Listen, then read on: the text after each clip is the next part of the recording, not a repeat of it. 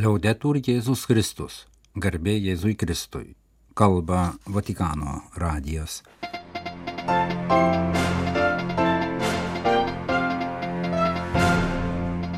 Malonus klausytojai šioje trečiadienio birželio 28 programoje popiežiaus katechezė apie Šventąją Mariją Makilovą.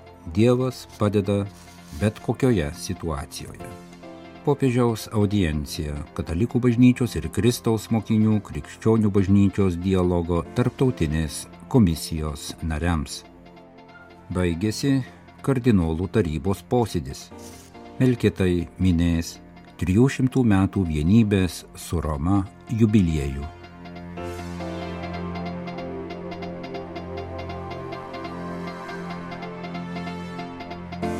Šių metų pradžioje pradėtame naujame katechezijų cikle popiežius Pranciškus bendrosios audiencijos dalyviams pristato kai kuriuos išskirtinus apaštališkojo uolumo pavyzdžius.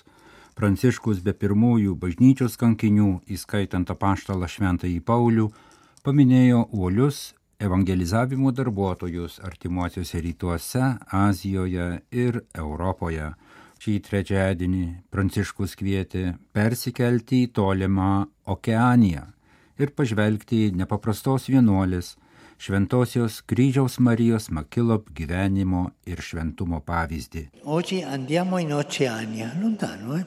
un continente fatto da moltissime isole. Okeanijos žemyną sudaro daug didelių ir mažų salų. Europos migrantų žemynė pasėta tikėjimo Kristumi sėkla greitai sudygo ir atnešė gausių vaisių.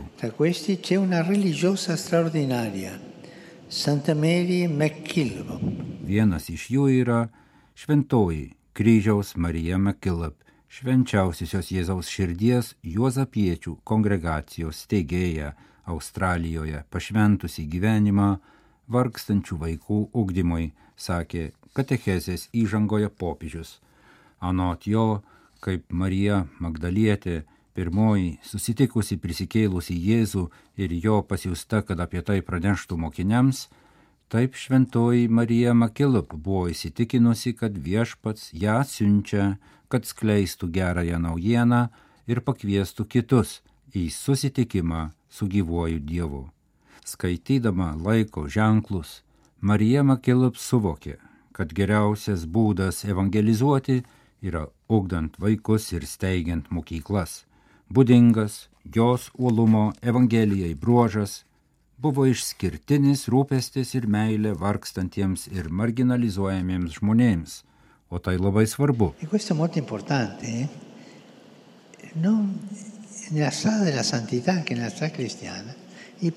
Krikščioniškame šventumo kelyje vargstantieji ir marginalizuojamieji yra svarbus.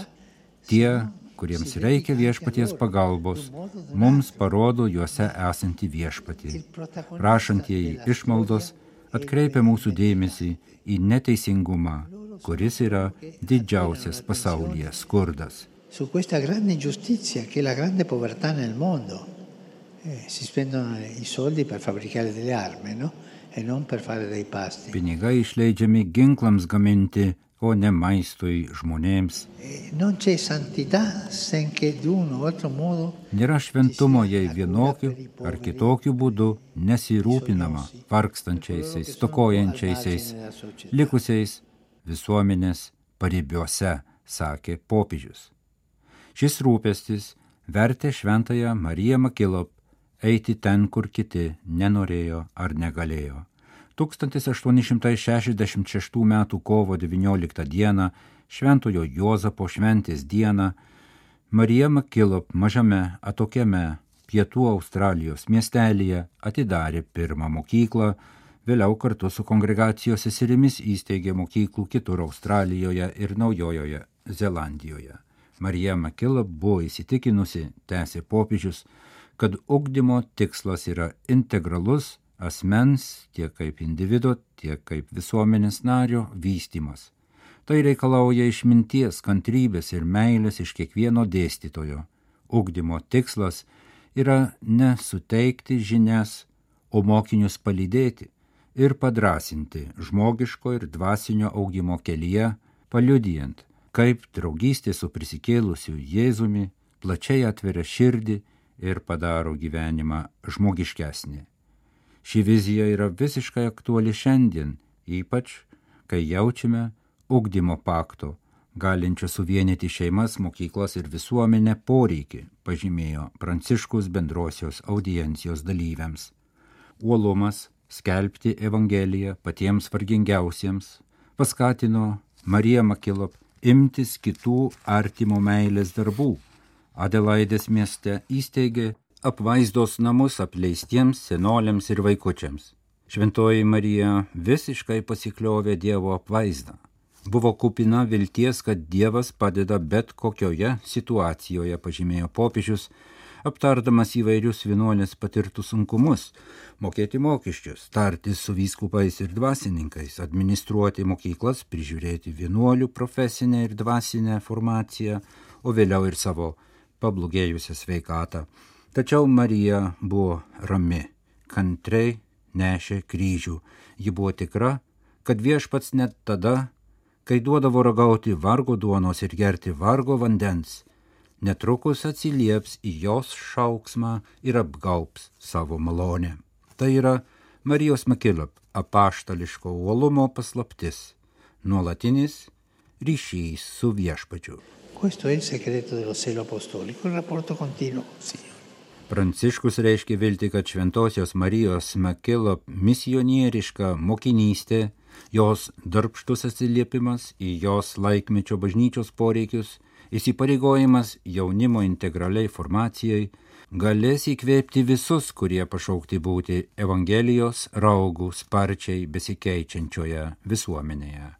Baigdamas katechezę popiežius Pranciškus palinkėjo, kad šventosios Marijos Makilo pavyzdys ir užtarimas palaikytų tėvų, mokytojų, katechetų ir visų ugdytojų kasdienį darbą vardan jaunimo gerovės ir žmogiškesnės vilties kupinos ateities.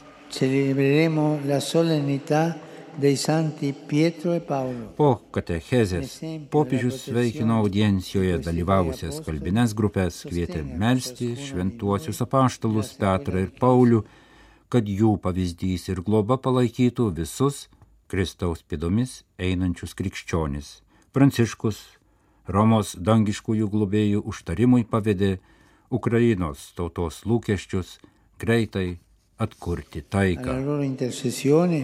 Affidiamo la cara popolazione ucraina perché presto trovi la pace.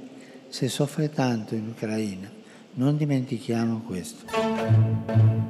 Prieš trečiadienio, birželio 28-osios bendrąją audienciją popiežius Pranciškus susitiko su katalikų bažnyčios ir Kristaus mokinių krikščionių bažnyčios dialogo tarptautinės komisijos nariais. Jiems pasakė kalbą apie šventosios dvasios vaidmenį krikščionių vienybės kelyje. Dvasia yra darna, leidžia pasidalymus. Prisiminkime sėkminių rytą. Po didelio įvairių charizmų pasidalymo dvasia sugražino darną. Tai nėra dėrybos dėl pusiausviros. Darna yra daug daugiau. Darna tai šventosios dvasios kelias, patikino Pranciškus. Popiežius pripažino, kad teologų išvalgos ir teologinės diskusijos yra reikalingos krikščionių vienybės kelyje, tačiau jam didelį įspūdį padarė anegdotas apie tai, ką Atenagoras, visuotinis Konstantinopolio patriarchas, pasakė popiežiui šventajam Pauliui VI. Išsiųskime visus teologus į kokią nors salą, o mes teskime šį ėjimą kartu. Krikščionių vienybė kuriama einant kartu. Aišku, reikia teologų, tegul jie tyrinėja kalbas ir diskutuoja, tuo tarpu mes teskime kelionę, kartu melskime ir vykdykime artimo meilės darbus. Esu įsitikinęs, kad tai yra kelias, kuris nenuvilia, sakė popiežius. Audiencijos pabaigoje Pranciškus paragino jo dalyvius kartu sukalbėti Tėvė mūsų maldą. Kristaus mokiniai krikščionių bažnyčia yra nuo XIX amžiaus Junktinėse Amerikos valstijose gyvuojanti ekumeninė bendruomenė, nuo pat įsikūrimo pradžios paženklinta didelio noro suvienyti visus krikščionis. Nuo 1977 metų reguliariai rengiami Katalikų bažnyčios ir Kristaus mokinių krikščionių bažnyčios dialogo, tarptautinės komisijos susitikimai pilnutinės krikščionių vienybės klausimais. Popiežius Pranciškus su visais kardinolų tarybos nariais ir jos sekretoriumi pirmadienį ir antradienį aptarė Romos kurijos reformos įstatymo predikatė Evangelijum įgyvendinimo viskupijose ir kitus bažnyčiai rūpimus klausimus apie sinodą, nepilnamečių apsaugą ir karą Ukrainoje. Šventojo sosto spaudos salė vėlyvą antradienio birželio 27 popietę informavo apie kardinolų tarybos posėdį, pažymėdama, kad jos dalyviai kartu su kardinolu Gianfranco Girlanda, redagavusiu apaštališkąją konstituciją predikatė Evangelijum, dalyjosi mintimis apie būdus, kaip įgyvendinti konstitucijos dvasę, principus ir kriterijus vyskupijų kanceliarijose. Posėdžio dalyviai taip pat domėjosi sinodu, išklausė kardinolo Marijo Grek pranešimą apie pastarųjų mėnesių etapus ryšium su viskupų sinodo asamblėja įvyksiančią spalio mėnesį Vatikane. Kardinolas Šonas Aumelai informavo apie popiežiškosios nepilnamečių apsaugos komisijos plenarinę asamblėją ir komisijos darbą. Komisija posėdžiuose gegužės mėnesį papildė visai bažnyčiai skirtas normas ir tvarką, kuriais siekiama veiksmingai užtikrinti nepilnamečių ir pažeidžiamų asmenų apsaugą, taip pat vietinių bažnyčių viskupijose. Kardinolų tarybos nariai pasidalijo mintimis apie Ukrainoje vykstantį konfliktą. Kitas kardinolų tarybos posėdis įvyks gruodžio mėnesį. Ką tik pasibaigęs Melkitų graikų apieigų katalikų bažnyčios sinodas pranešė, kad ateinantį rudenį, lapkričio 11-ąją, bus iškilmingai inauguruotas 300 metų vienybės su Šventojo Petro įpėdiniu Romoje jubiliejus truksantis iki 2024.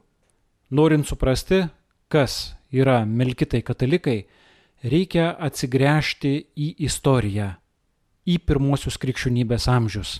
Tuo metu vienas iš pagrindinių viduržėmio jūros regiono centrų buvo Antiochijos miestas įsteigtas trečiame amžiuje prieš Kristų, vieno iš Aleksandro didžiojo generolų ir gyvavęs iki 1268 metų, kai buvo sugriautas Egipto sultono. Jo didybės likučius galima pamatyti greta dabartinio pietų Turkijos miesto Antakijos. Didžiausio klėstėjimo metu miestų gyventojų skaičius galėjo viršyti pusę milijono. Jį tuo metu pranoko tik imperijos sostinė Roma ir Aleksandrijos miestas Egipte. Kaip gerai žinome iš bažnyčios istorijos, būtent šie miestai tapo istorinių pirmųjų patriarchatų centrais, greta pačios Jeruzalės, o kiek vėliau atsirado Konstantinopolis. Antiochijos pavadinimas daug kartų minimas apaštalų darbuose. Viename iš epizodų pažymima. Barnabas dar nukeliavo į Tarsą ieškoti Sauliaus. Radęs atsivedė jį Antiochijon. Jie abu ištisus metus darbavosi bendrijoje ir išmokė gausų būrį.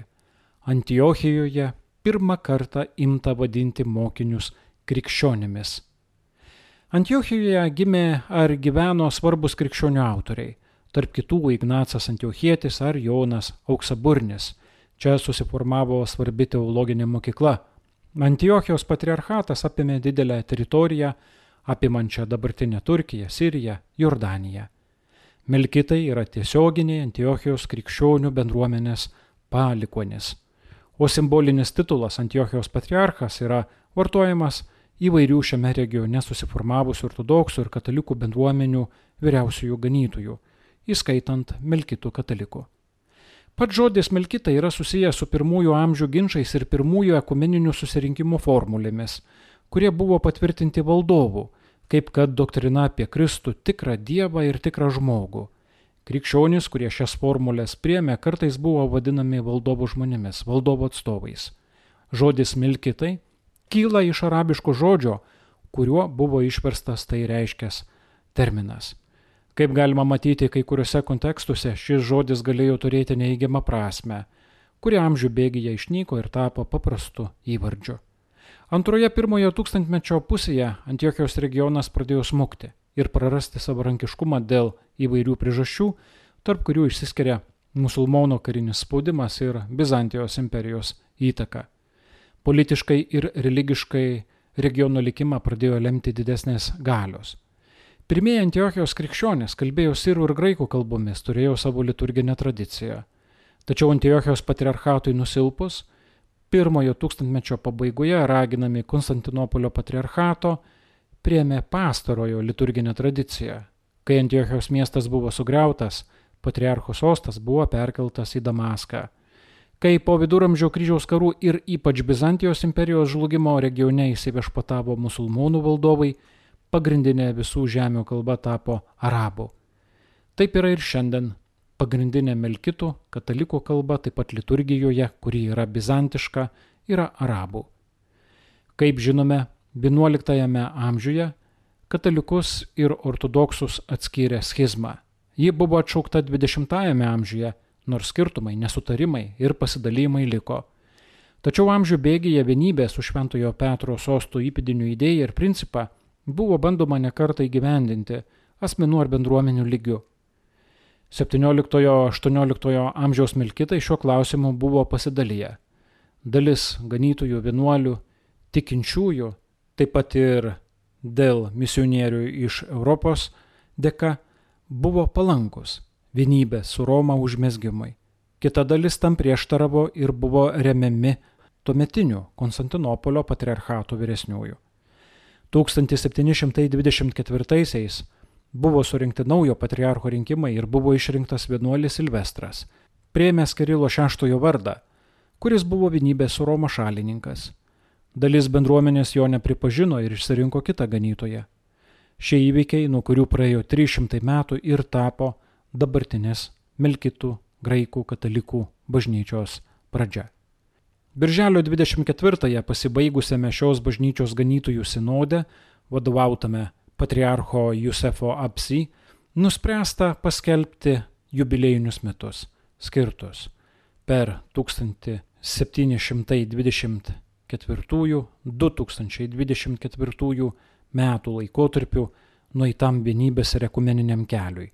Jubiliejinių metų metu bus rengiamos liturginės iškelmės, studijų konferencijos, skelbiamos istorinio, teologinio ir ekumeninio pobūdžio publikacijos bei studijos, rengiamos parodos apie Melkitų bendruomenių artimuosiuose rytuose, Sirijoje, Libane, Izraelyje ir Palestinoje išsaugotą dvasingumą ir meno paveldą, su diasporos bendruomenėmis pasklidusi kitose šalise, ypač Brazilijoje, Argentinoje, Meksikoje, Venezueloje, Junktinėse Amerikos valstijose, Kanadoje, Australijoje.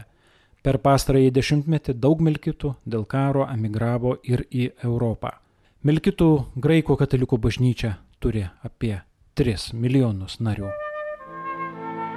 Kalba Vatikano radijas laidą lietuvių kalba baigėme. Garbė Jėzui Kristui Liaudetur Jėzus Kristus.